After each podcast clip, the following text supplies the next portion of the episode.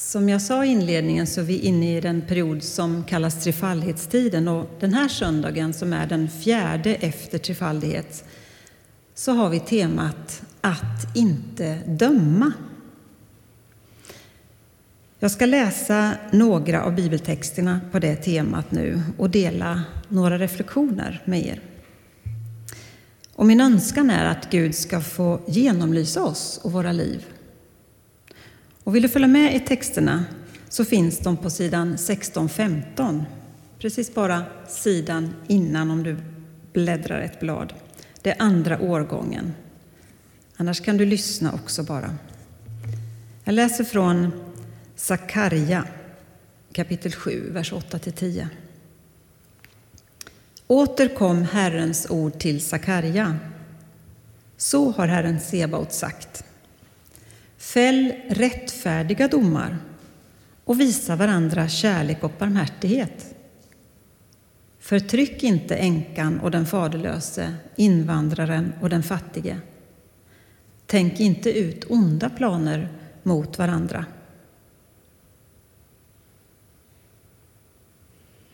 Och jag fortsätter med Romarbrevet 14, vers 11-14.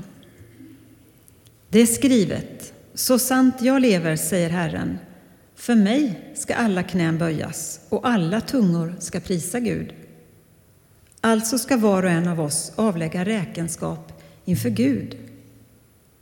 Låt oss därför inte längre döma varandra.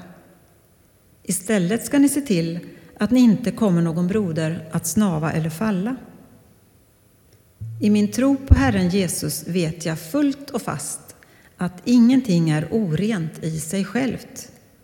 Men den som betraktar det som orent, för honom är det orent.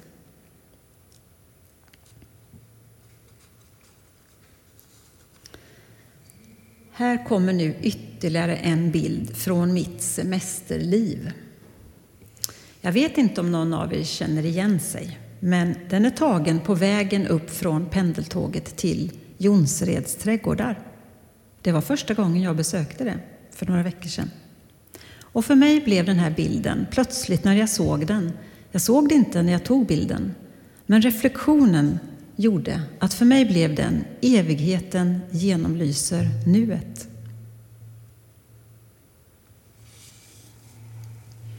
Hemma i vår hall så har vi en liten tavla. Nu ser inte du vad som står på den texten, jag ska snart berätta. Men på halvväggen så står den. Där står så här. Där står du och duger precis som du är. Jag tänker mig den tavlans budskap i två riktningar. Den ena riktningen att tavlan talar till mig.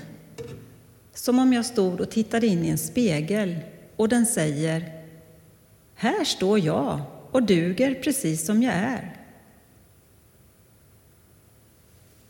Det finns också en annan riktning. Att jag tänker mig att det här gäller dig. Där står du och duger precis som du är.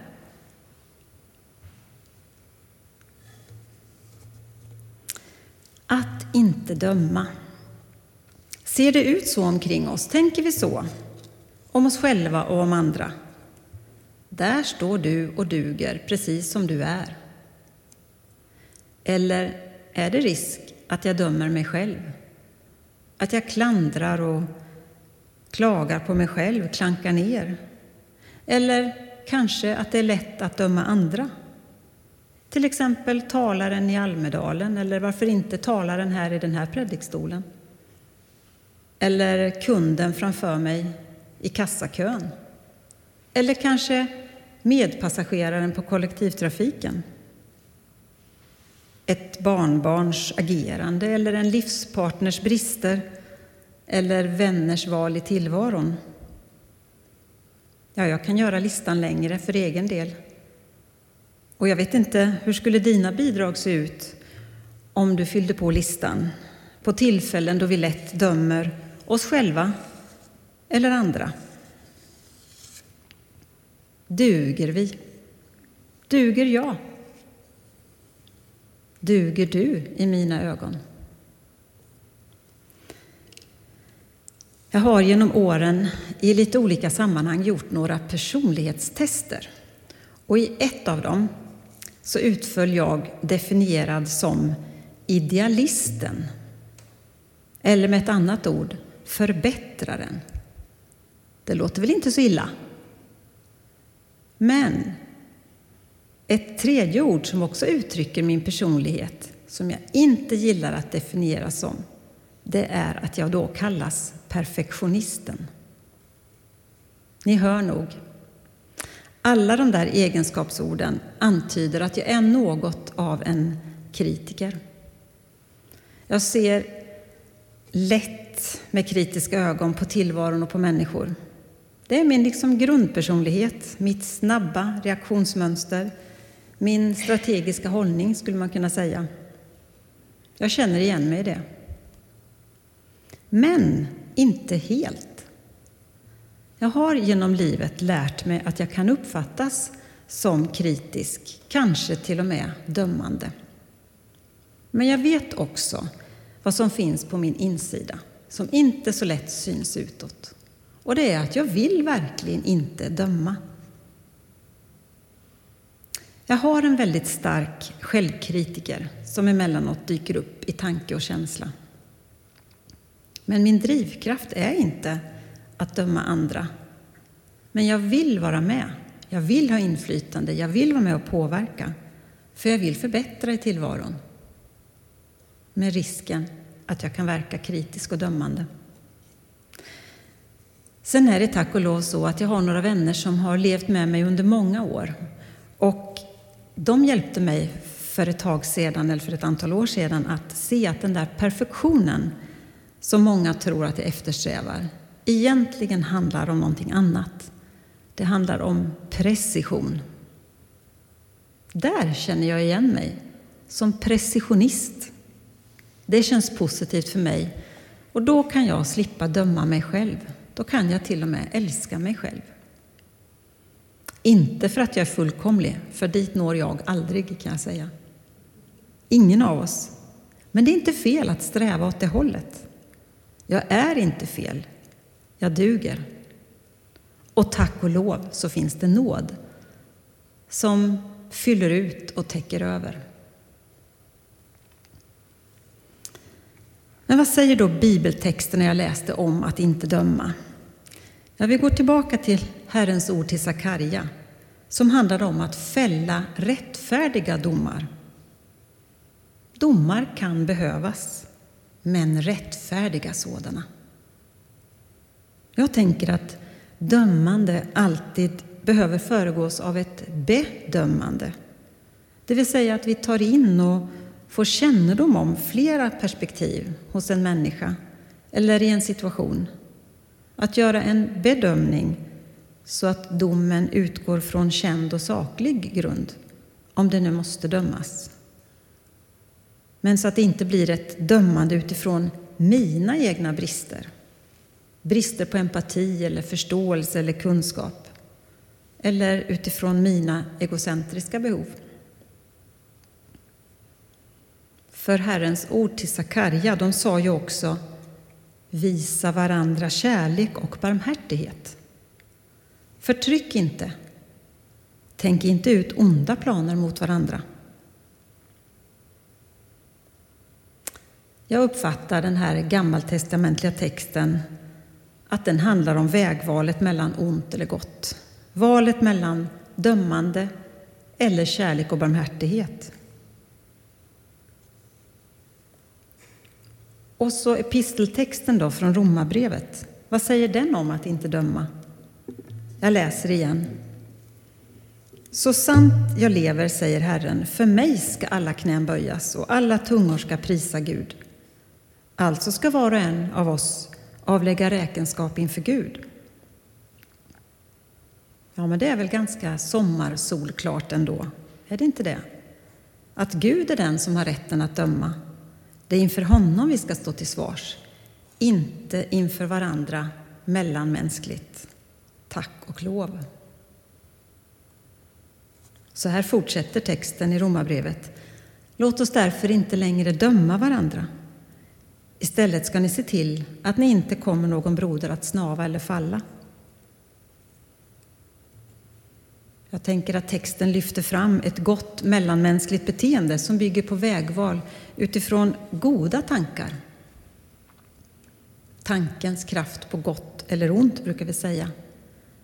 Och om vi tänker dömande så finns det risk att vi också beter oss dömande. Så avslutar Paulus sina ord i dagens text i Romarbrevet. Han säger, i min tro på Herren Jesus vet jag fullt och fast att ingenting är orent i sig självt. Men den som betraktar det som orent, för honom är det orent.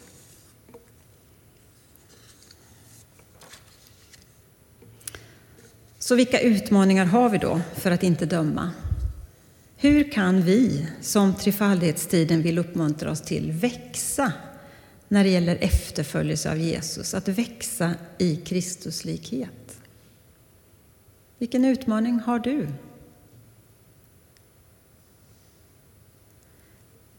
Ja, mina personliga utmaningar de kan handla om att just kunna skilja mellan vad som är att bedöma. För det uppfattar jag som ett sunt behov att det är okej, okay, att det till och med är hjälpsamt och klokt, till skillnad från att döma. För att döma är inte min sak. Det är inte mitt ansvar. Det är Guds. Men mitt ansvar, det kan vara att bli mer och mer medveten om hur jag tänker, hur jag säger och vad jag gör och att det kan uppfattas som dömande. Och mitt ansvar är att medvetet välja barmhärtighetens och kärlekens väg, även i min bedömning. Och då gäller det både gentemot mig själv och mot andra. Att välja den nådens väg som Gud erbjuder oss alla att vandra på. Gud vill genomlysa vårt nu. Inte för att döma oss, utan för att lysa upp och vägleda oss till ett liv i kärlek och goda gärningar.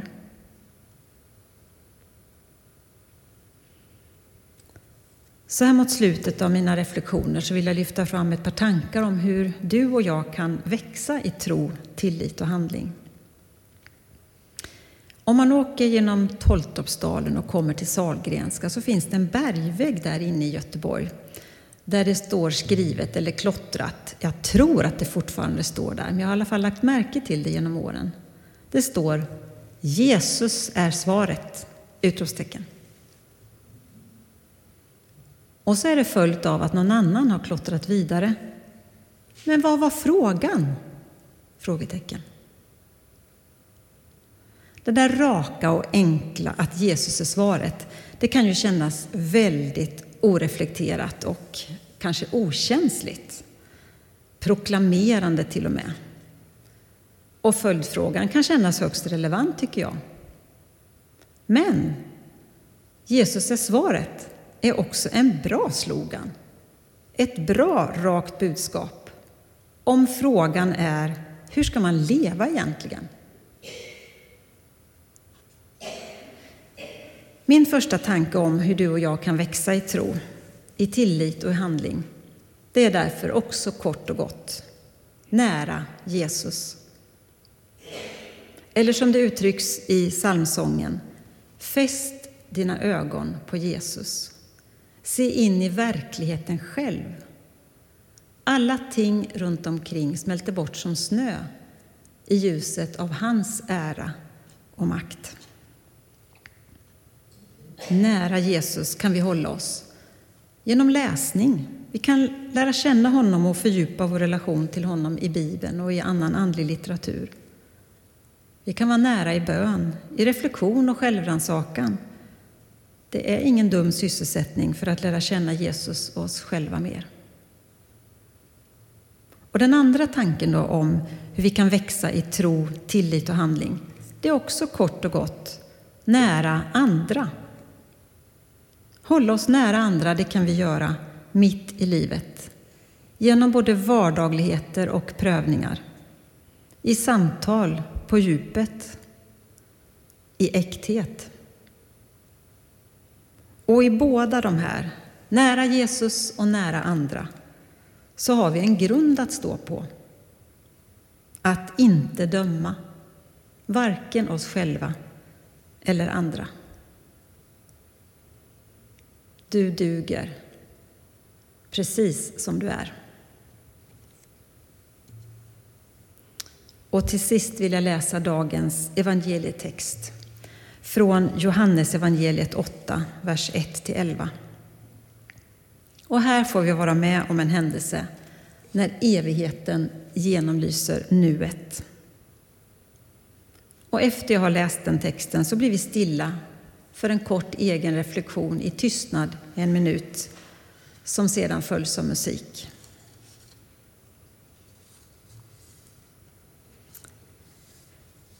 Jesus gick till Olivberget. Tidigt på morgonen var han tillbaka i templet och allt folket samlades kring honom och han satte sig ner och undervisade. De skriftlärda och fariseerna kom då dit med en kvinna som hade ertappats med äktenskapsbrott. De ställde henne framför honom och sa Mästare, den här kvinnan togs på bar gärning när hon begick äktenskapsbrott. I lagen föreskriver Mose att sådana kvinnor ska stenas. Vad säger du? Detta sa de för att sätta honom på prov och få något att anklaga honom för. Men Jesus böjde sig ner och ritade på marken med fingret. När de envisades med sin fråga såg han upp och sa Den av er som är fri från synd ska kasta första stenen på henne. Och han böjde sig ner igen och ritade på marken. När de hörde hans svar gick de därifrån, en efter en. De äldste först, och han blev ensam kvar med kvinnan framför sig. Jesus såg upp och sa till henne Kvinna, vart tog de vägen? Var det ingen som dömde dig? Hon svarade Nej, Herre. Jesus sa Inte heller jag dömer dig. Gå nu och synda inte mer.